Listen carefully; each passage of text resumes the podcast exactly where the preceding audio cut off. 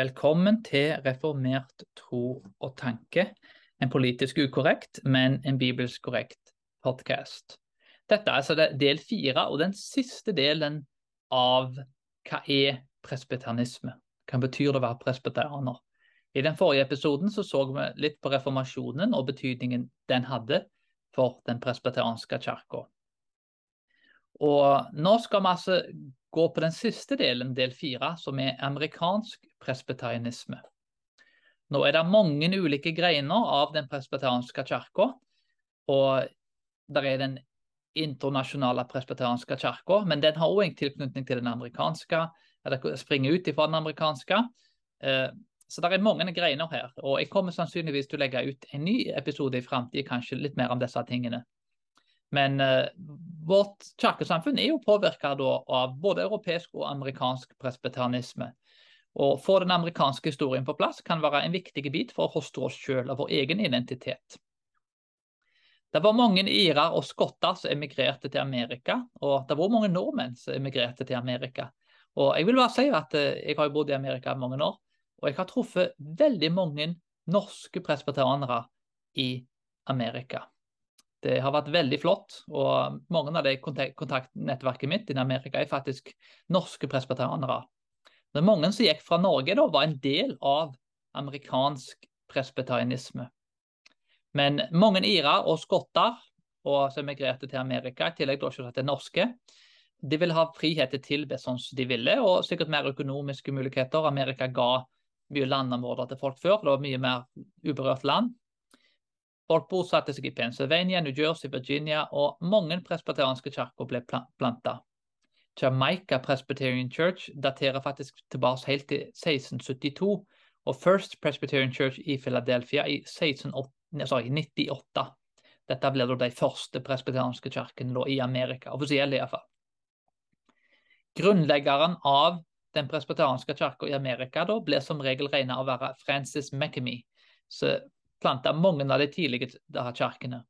Han var født i Irland i 1658, ordinert som misjonær av den irske presbeteranske Lagan i 1682, men flytta til Amerika og reiste rundt i ulike stater.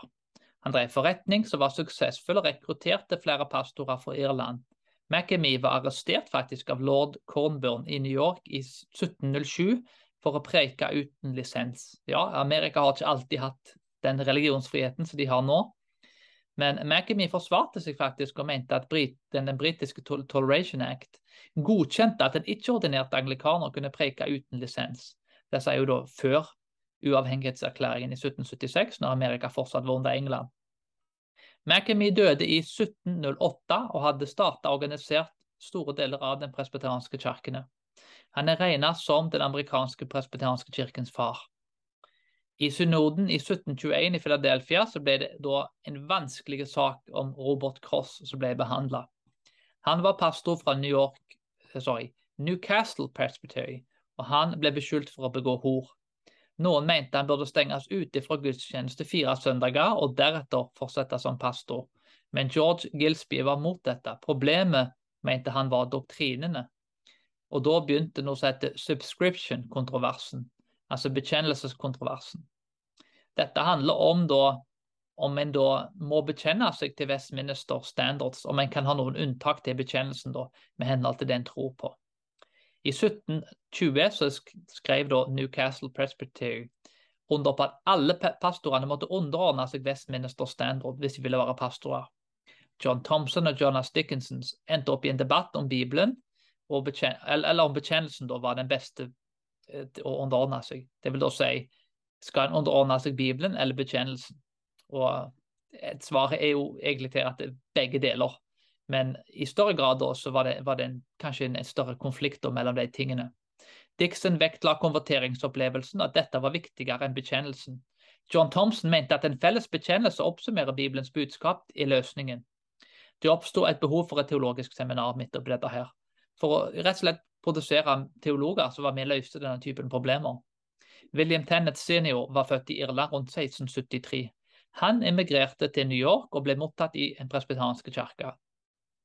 Tennants hjem fungerte som et teologisk seminar der han lærte opp folk. Og på denne tida, fra 1739 til 1742, så kom den store evangeliske vekkelsen til George Whitfield og John Wesley, og etter hvert Jonathan Edwards. Uh, og dette berørte jo da i veldig stor grad alle kirkesamfunn. Dette førte til faktisk til en splittelse i den presbyterianske kirka i 1741. Den gamle sida var mot vekkelse, mens den nye siden var for vekkelse. Og bare For å forklare det litt mer utdypende, å være for og mot vekkelse høres jo ganske brutalt ut. da. Å være mot vekkelse er spesielt. Alle er vel for vekkelse. Men den nye sida, da, den argumenterte i større grad for at du måtte være født på nytt. Du måtte ha en erfaring med Gud, og den erfaringen var nødvendig for deg da også hvis du skulle fungere som pastor. Mens den gamle sida mente da at den typen erfaring da ikke var nødvendig på samme måten som den nye mente. Den presbyterianske kirka opplevde en stor splittelse som sagt i 1741, og det ble kalt the old and the new side. Old school, new school-konflikten. Dette er en konflikt som du ser gjennom store deler av den presbyterianske amerikanske historien. Uro oppsto, folk forlot sine forsamlinger, og den gamle sida mente at den nye sida ikke tok bekjennelsene på alvor. De ville ha mer orden og mindre uro. Den nye sida mente at den gamle sida var så fokusert på orden at de glemte ut den nye fødselen, pietismen. Du kan gjerne si at Den nye sida var betraktelig mer pietistisk og vektla da den, den, flammende gløden i hjertet for Kristus, mens den gamle sida var mer opptatt av orden og doktrine. En pastor da må ha et ordentlig personlig møte med Kristus, mente den nye sida. Om pastoren ikke var født på nytt, hadde syndenød og erfart en sterk opplevelse med Kristus og bli frelst av han, så måtte han forlate forsamlingen, eller forsamlingen måtte forlate han. Gilbert Tennant, da, som var sønn av William Tennant og ble pastor i New Brunswick i New Jersey, var kjent som en forkynnelse om The Unconverted Ministry. Bare de som kunne vitne om en konverteringshistorie og opplevelse, kunne bare fungere som pastor. Så Det nytter ikke å tro de rette tingene, nytter ikke om du bekjenner tro eller lever som en kristen. Du måtte altså ha den erfaringen med Kristus for å være pastor. Det ble mer splittelse ettersom den gamle sida ble rasende på det de mente var ubibelsk. Den nye sida starta College of New Jersey i 1746, så da vel ble en forløper til Princeton University, som mange sikkert kjenner til i dag. Gilbert Tennant forsto etter hvert at han hadde skapt unødig splittelse, og begynte å jobbe for å forene de to sidene. The French Indian Wars, altså den eh, franske indianerkrigen, bidro til denne enheten. Det er sånn av og til at kriger kan noen gang hjelpe noen folk til å forene Det blir mer forente, til tross for at det har en motsatt effekt på de som kriger mot hverandre. Til slutt ble begge sidene enige om at fremtidige pastorer måtte testes om de hadde hatt en konverteringsopplevelse. De ble enige òg at de måtte ta bekjennelsene på alvor, så de bekreftet altså begge deler. Som sikkert var eh, en bra løsning for begge parter, så de var enige i på begge sider. Newside College ble da presbyterianerne sine teologiske institusjon. Og dette ble jo etter hvert da Princeton Seminary.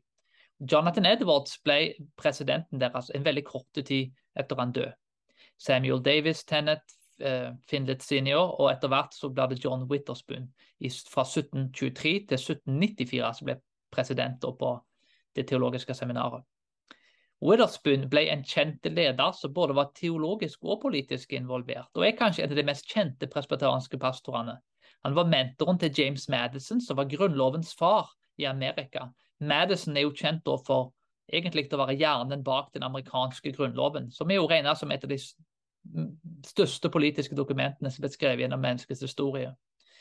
Uh, Witherspoon var en av de få uh, geistlige som signerte uavhengighetserklæringen i 1776, når de ble frigjort fra England eller Storbritannia på den tida. Og Han var veldig politisk involvert. og Han lagde den første Book of Church Order, som ble publisert i 1788. Og første General Assembly var i Philadelphia i 1788. Nå går man videre til gullalderen, den amerikanske presbyterianisme i det 19. århundre, som noen vil beskrive som gullalderen. 19. århundre har amerikanske presbyterianere hatt Book of Church Order i 15 år. General Assembly hadde samles i tolv år, og Union Theological Seminary var etablert i 1807, og Princeton Theological Seminary da offisielt i 1812. I slutten av århundret hadde metodister og baptistene blitt flere. De hadde åtte til ni teologiske seminarer i slutten av det 19. århundre. Presbyterianerne jobba med congregationalist, altså det de uh, Hjelp meg å oversette det til norsk, jeg er ikke helt sikker på hva ord som blir brukt der. Uh, det er de da som, som stemmer uh, ut ifra forsamlingen. De har ikke et eldsteråd på samme måte som presbyterianerne. Men de vil jo da evangelisere folk i Ohio og Michigan og områdene der, og jobba lag med presbyterianerne fordi at teologien deres var like. De er ganske like, det er ikke helt like. Det oppstod en splittelse i 1837, det ble mer vekkelse. Men denne vekkelsen da var eh, Dette var den andre store vekkelsen, altså Second Great Awakening, med Charles Finney. Charles Finney var en ordinert presbyterianer i presbeterien sin i 1824. Han ble sendt ut som evangelist og misjonær. Finney representerte den nye skolen og skapte veldig mye uro i den presbeteranske kirka. Han mente at metodene og ikke Guds ånd skapte vekkelse. Han mente at en burde jobbe på tross av ulike kirkesamfunn. Han mente at konverteringsopplevelsen burde ha sosiale konsekvenser. Og motstanden av avskaffelsen av slaveriet er jo kanskje noe han ble spesielt kjent for. Så han jobba iherdig for å avslutte slaveriet. Charles Finney var en, en, en av de store uh, abolitionists, altså en, en som jobba iherdig og aktivt for å avskaffe slaveriet. Charles Finney sto for en ny divinity-teologi som gikk bort fra Westminster Standards. Og dette innebærte en vekkelsesteologi, en revidert versjon av arvesund, regenerering, konvertering og helliggjørelse. Finney populariserte mange av New Divinity-posisjonene og vant mange disipler over til hele Amerika, til tross for han avvek fra Westminster Standards. Han hadde fokus på uh, sorry, fokuset på doktrine, kirkestyre, vekkelse og sosiale reformer skapte da to skoler. Den nye skolen og den gamle skolen da, i presbetanske kirka. Den gamle skolen da var mer fokusert på doktrine og kirkestyre, mens den nye skolen var mer fokusert på vekkelse og sosiale reformer. Vi har andre som Liam Beecher og Albert Barnes, som var en del av den nye skolen.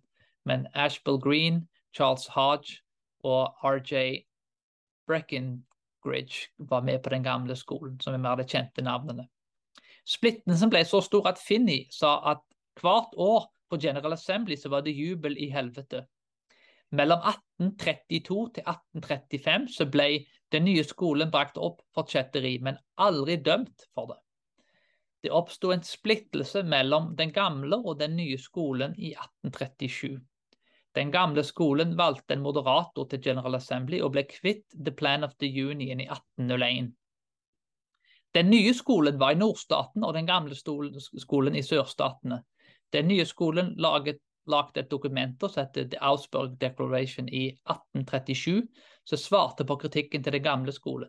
De godtok mer rom for uenighet med Westminster Standards. En kunne være uenige med systemet til tross for en var uenig med noen av doktrinene. Dette kan sies at den nye skolen var mer tolerant, mens den gamle skolen da var mer opptatt av doktrine.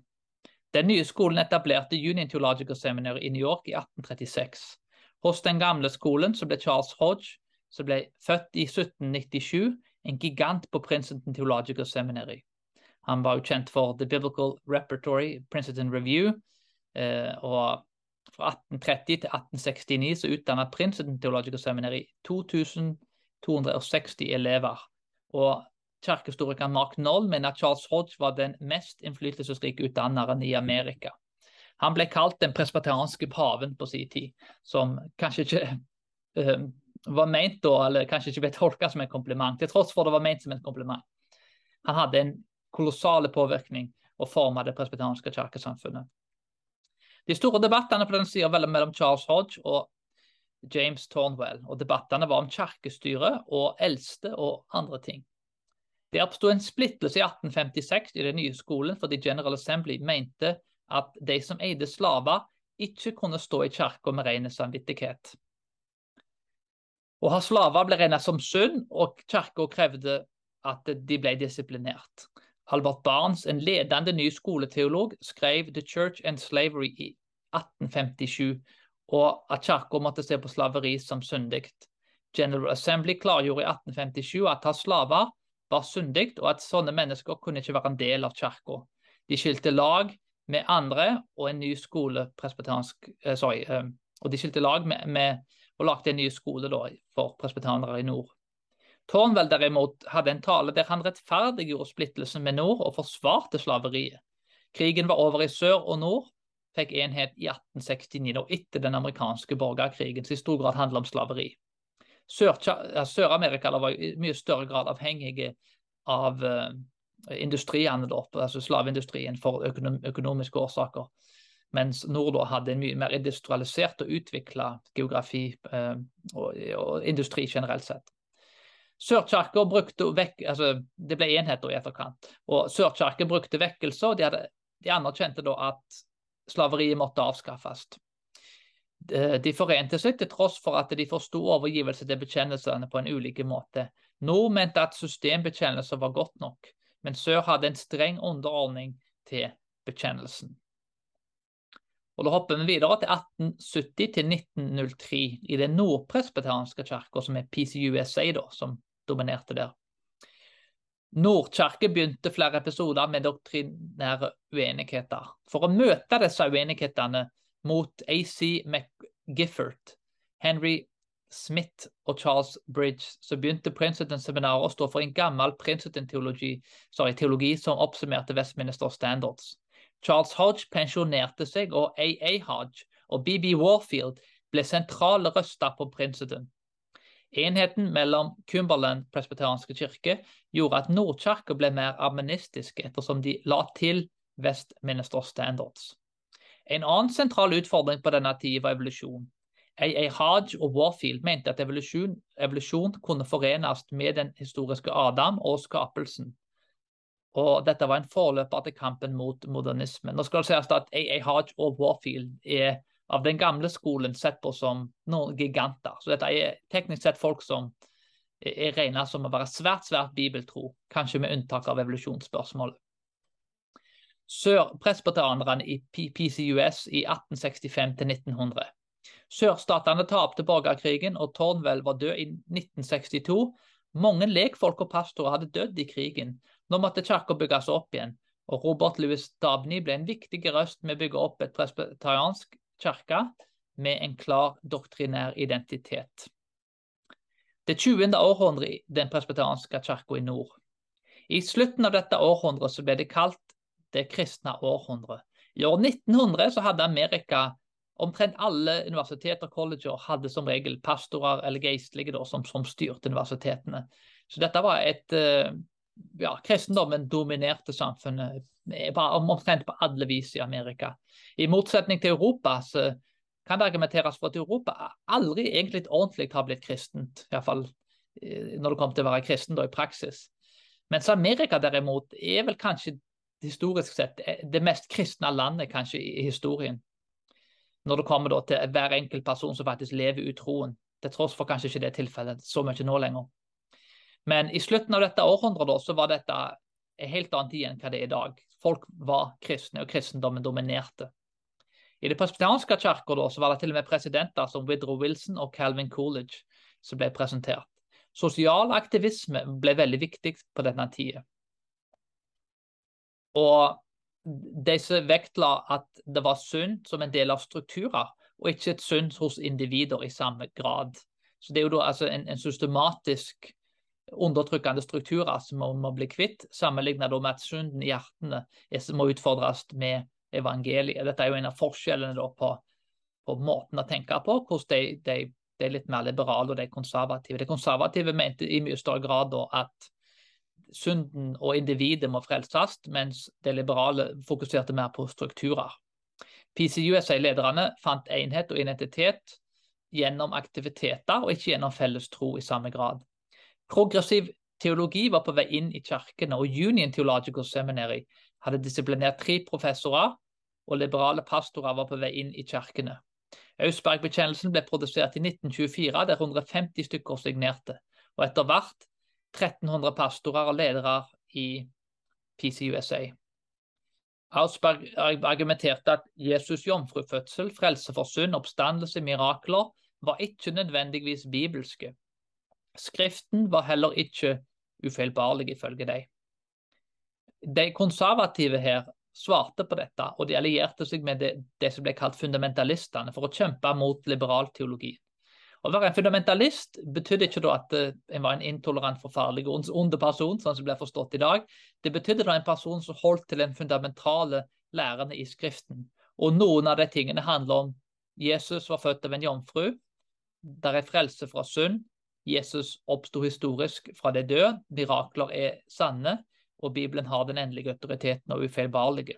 Hvis du trodde de tingene, så vil du sannsynligvis på den tida bli kategorisert som en fundamentalist. Det handler altså om å tro på de fundamentale lærerne i Bibelen. Nordfundamentalistene og den presbeterianske kirka. Fundamentalistene i Amerika hadde røtter fra etter borgerkrigen i 1865. D.L. Sin vekkelse var en stor kilde til dette. Moody ville vekke opp folk for å bli frigjort ifra synd og bli mer moralske. Høyt på den lista var alkoholforbud og sosiale reformer.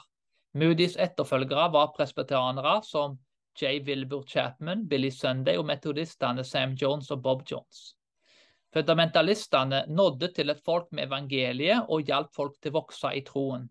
Dette påvirka Keswich-bevegelsen, som vektla hellighet, å leve uten synd, å leve et lykkelig kristent liv, overgi seg til Kristus, og ta imot den andre åndsdåpen som utruster kristne til kamp. Dette synet fant veien inn i den presbeteranske kirke gjennom Charles G. Trumbull, The Sunday School Times og A.T. Pearson, som var misjonær. Fundamentalistene ville frelse mennesker og hadde en slags husholdningslære i bunn. Altså mange av dem, ikke alle. De var premillennial og ville frelse folk ut av verden før syv års trengselens kom.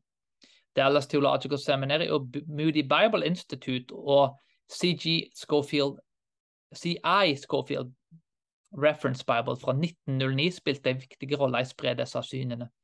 Fundamentalistene hadde lavt syn på kirkesamfunn fordi de hadde dårlige erfaringer med det, men også fordi de vektla vekkelse, premiel og hellighet. Kirkesamfunn var en, da ifølge det en del av frafall før endetiden som kom. Til tross for dette så sikta de bredt for å jobbe i alle kirkesamfunn.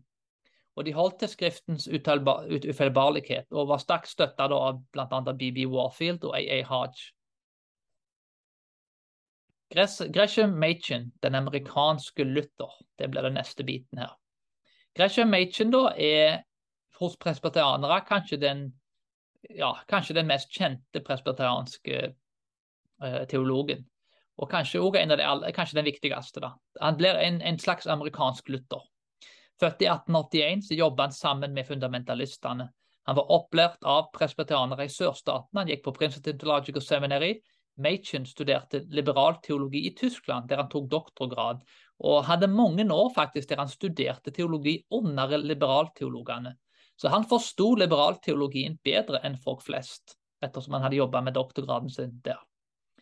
Men han ble bevart, og ifølge seg sjøl, og holdt til Westminster Standard som motstand mot liberal teologi. Machen ble ordinert presbyterianer og professor i teologi på Brinsetten. Og han skrev en klassiker som heter 'Christianity and Liberalism' mot liberal teologi. Dette er en utrolig bra bok som alle bør lese, uavhengig om de er enige eller uenige. Det er en veldig viktig bok da, som, som i det minste oppsummerer hvordan fundamentalistene i større grad så på denne konflikten. Nå var kanskje ikke Machen noen noe klassisk fundamentalist, men, men boken er uansett verdt å lese. Problemet med liberalismen, mente Machen, da, var at det er en helt annen religion. Det er rett og slett ikke det samme som bibelsk kristendom. Så han mente at liberalteologene og han hadde egentlig to forskjellige religioner. Machen kritiserte fundamentalistene for å være opptatt av skapelse, for opptatt av skapelse mens han mente at kampen egentlig handler om den historiske troverdigheten om livet, døden og oppstandelsen til Jesus Kristus og evangeliet sjøl. Machen havna i konflikt med Presbyterian Board of Mission, som var ledet av eh, William Hockling. Og Machen skrev flere ting og starta sin egen misjon.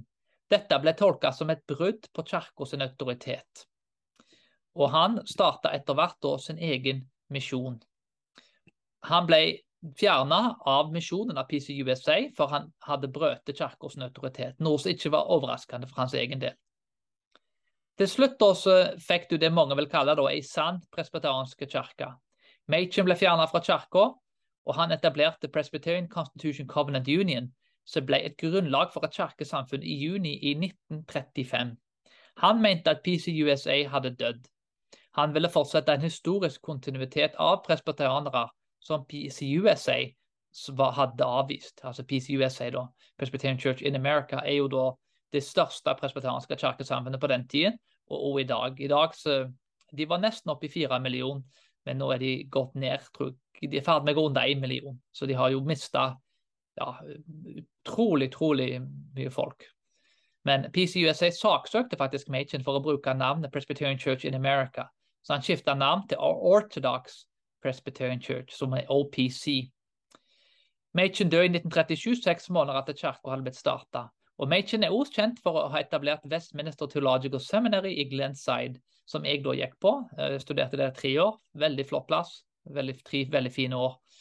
Eh, men dette er jo en bastion for presbyteriansk teologi. Og dette er regna kanskje som et av de aller viktigste presbyteranske teologiske seminarene, kanskje i verden. Og i alle fall i Amerika. OPC er jo da uh, The Orthodox Presbyterian Church. Og den amerikanske evangeliske kirka var en periode der de, de, ville ha enhet. For det var mye splittelser som skjedde. Det var ei kirke som heter Bible Presbyterian Church, som splitta ut ifra Machency eh, OPC-kirka i 1937. Ned Stonehouse, professor på Vestminister, mente at eh, de ville tilbake til Bibelen, historiske bekjennelser, som presbyterianere. En teolog som heter Charles McIntyre, som hadde stor innflytelse, bl.a. i The Bible Presbyterian Church, og, og Buswell, en ledende presbyterianer, splitta seg med Machen, og de vil i større grad ha mer fundamentalisme og ikke historisk presbyterianisme. OPC ble da uh, invitert til National Association of Evangelicals, noe de avviste fordi de mente en bred representasjon ikke kunne motstå liberalteologien og liberalismen. Det var mer attraktivt å være med American Council of Christian Churches, ACCC, som var grunnlagt i 1941 av Carl McIntyre. ACCC var i opprør mot modernismen i alle former, og PC ble derimot ikke med i ACC. Til tross for det var et mer attraktivt alternativ. En av årsakene de mente, var at ACCC ikke delte, de, altså de delte ikke opp det politiske og religiøse. Det ble en politisk lobbyorganisasjon. Så de mente da at de ble for politiske.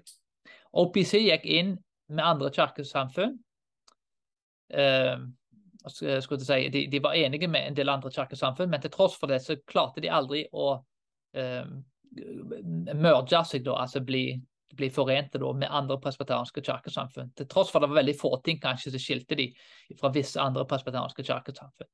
Så de ble da det noen vil kalle da ei sant presbeteranske kirke, der de hadde da en historisk kontinuitet. Andre nordpresbyteranske kirkesamfunn Eh, noen andre grupper som kan være verdt å nevne, er jo det med Carl McIntyre og Oliver Busnell som gikk ut av OPC. og De starta da i 1937 The Bible Presbyterian Synod. Forskjellen mellom Bible Presbyterian Synod og OPC var at Bible Presbyterian Synod tolererte primillennialism og vektla avholdenhet fra alkohol som et bevis på hellighet. Eh, de var kalvinistiske, fundamentalistiske i større grad, og premillennial og veldig evangeliserende. De starta Fate Evangelical Seminary, og en student som gikk ut fra Westminster, var til Fate Seminary, som var Francis Shafer. Dette er jo en person som er veldig godt kjent i Norge, fordi bøkene hans overs, noen av de er oversatt til norsk. Og I apologetikk- og trosforsvarmiljøene så er han et kjent navn. Tidlig i 1930 og 1940 så var Shafer en disippel av Carl McIntyre. Etter å ha vært pastor i Grove City, Pennsylvania og St. Louis, Missouri, så ble Shafers McIntyres høyre hånd som en motpart i ACCC til liberale kirker. Schaefer bestemte seg i 1948 for å begynne en ny misjon til barn i Lausanne, Sveits. Han begynte å delta i samtaler med kunstnere og teologer, og drev en form for kulturapologetikk. Labri er jo et kjent misjonssenter som Schaefer ble veldig kjent for.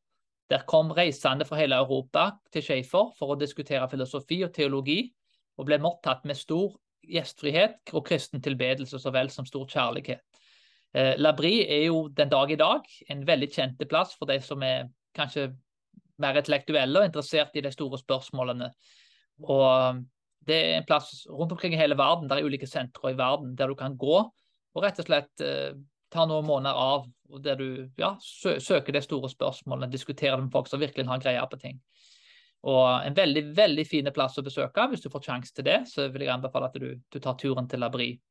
Francis Schaefer ble jo da en i apologetikk, og spesielt med dette nå ut da til ikke-troende, ble en gigant. da. Det er utrolig mange folk som har blitt påvirka av Francis Schaefer over hele verden. Så Masse folk kom opp i Sveits, i fjellene, for å høre på denne karen hva han hadde å si om ting. Og han skrev veldig mange bøker og ja, påvirka veldig mange folk på en positiv måte. Jeg har sjøl blitt presbyterianer, og jeg må si at det, var Francis Schaefer som leda meg til den presbyterianske kirka. Til tross for det han skriver, og ingen av bøkene hans eh, har noe som helst eksplisitt referanse til noe som er presbyteriansk. Bøkene hans er egentlig om Gud, trosforsvar, filosofi og kultur. Det er egentlig kulturanalyse. Andre presbyterianske ledere var Robert G. Rayburn. Han ble med Bible Presbyterian Church. Han starta Covenant College i 1955 og flytta til St. Louis, der dagens Covenant Seminary er. McIntyre kom i ilden igjen. For Schaefer og Rayburn så vel som andre så begynte McIntyre sin personlighet å overvelde kirka. McIntyres kontroll over organisasjonen og ulike tenkemåter ledet til en splittelse i 1956. 40% ble med McIntyre. McIntyre en, ble en veldig dominant person som ledet veldig mange splittelser. og personligheten hans ble for stor da, og for ødeleggende for kirka, som gjorde at uh, ble, denne splittelsen oppsto. Grupper som ble igjen kalte seg Evangelical Presbyterian Church i 1961. Den aggressive splittelsesmentaliteten som McIntyre brakte inn, var slutt. En ånd av enhet var frembringende, og Reform Presbyterian Church Evangelical Synod, RPCES, kom ut av dette. Sørpresbyterianerne gikk ut av PCUSA og etablerte da etter hvert PCA eh, 1973. RPES vurderte å merge med OPC, men det funka ikke. Men i 1982 så gikk de altså sammen med PCA. Og eh, Francis Schaefer da blant annet ble en del av PCA, da, som er mitt kirkesamfunn, som Presbyterian Church in America. Det var 26 000 medlemmer som ble med, og 190 kirker joina da når de, når de to ulike kirkene ble merga her. Eh, Francis Schaefer er jo eh, grunnleggeren av International Presbyterian Church, som da jobber i Europa, i, i, fall i mye større grad, og så vel som andre kontinenter og land. Nasjonale og konservative kirke som var forplikta til Skriften, og den reformerte tro vokste frem da med PCA. Så PCA har da at de er forplikta til Skriften, den reformerte tro, og de er trofaste mot misjonsbefalingen.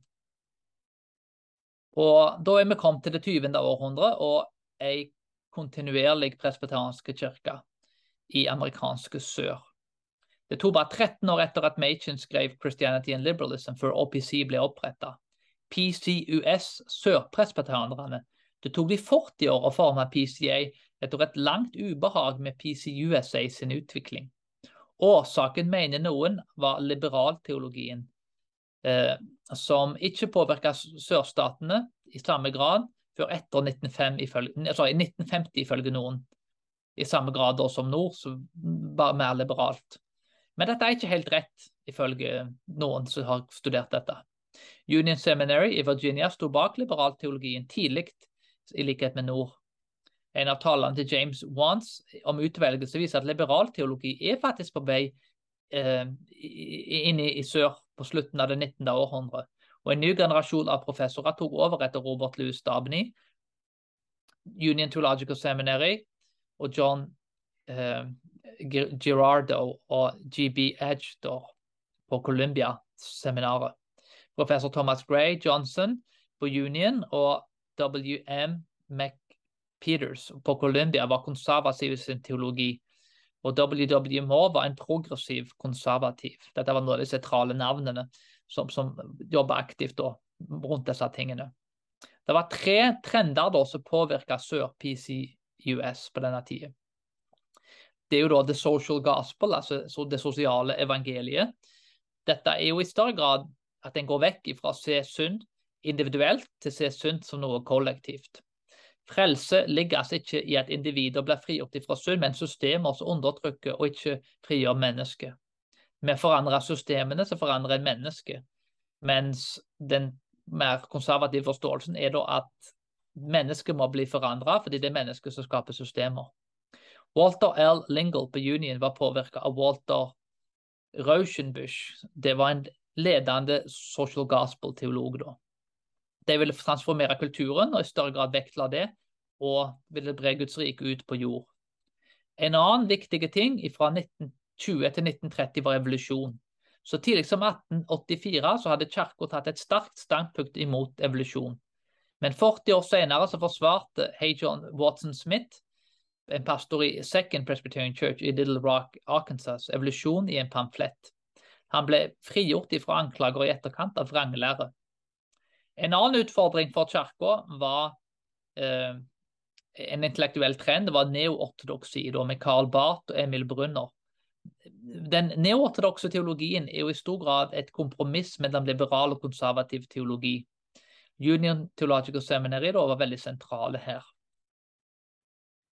Det ble etter hvert klarhet om da konservative motstand.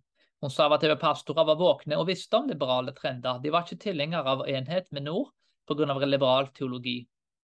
L. Nelson Bells datter gifta seg da med Billy Graham, og L. Nelson Bell da var en presbeteriansk pastor. Bell og Graham starta Christianity Today, aviser som den dag i dag er veldig populære blant noen. Og Southern Presbyterian Journal da, var noe som han Bell starta. Og dette spilte en viktig rolle faktisk i å få konservative til å delta i kulturen. Så både Billy Graham og svigerfaren var viktige for å rett og slett ja, spre evangeliet da, og kanskje en mer konservativ bibelforståelse i kulturen.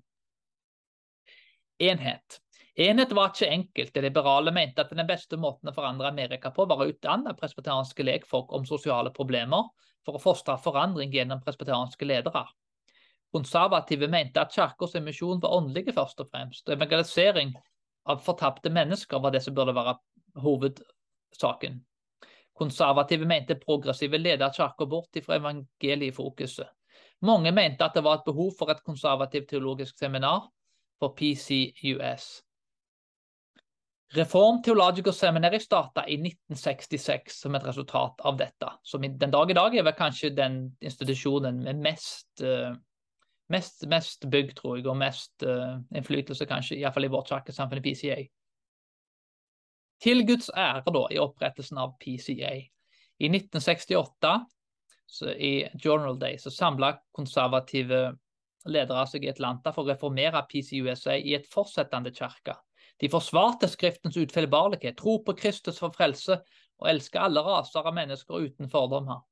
Forpliktelse til Westminster Confession var sentralt, og 1000 pastorer fikk deklarasjonen, eh, men bare 500 signerte. En fortsettende kirkebevegelse hadde begynt. En ny samling i Briarwood Presbyterian Church, Birmingham, Alabama, i desember 1973 tok sted. Jack Williams var moderator for General Assembly, og Morten Smith var klørk. De valgte navnet National Presbyterian Church, og dette var navnet som skapte konflikt med ei kirke i Washington DC med samme navn, så de forandra navn til Presbyterian Church in America. En ånd av fred og harmoni gikk gjennom kirka.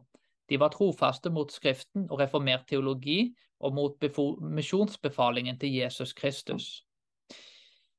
PCA begynte altså i 1973, og, men til tross for dette så varte ikke freden så veldig lenge. Det tok eh, 40 år før identiteten til PCA ble ordentlig formet.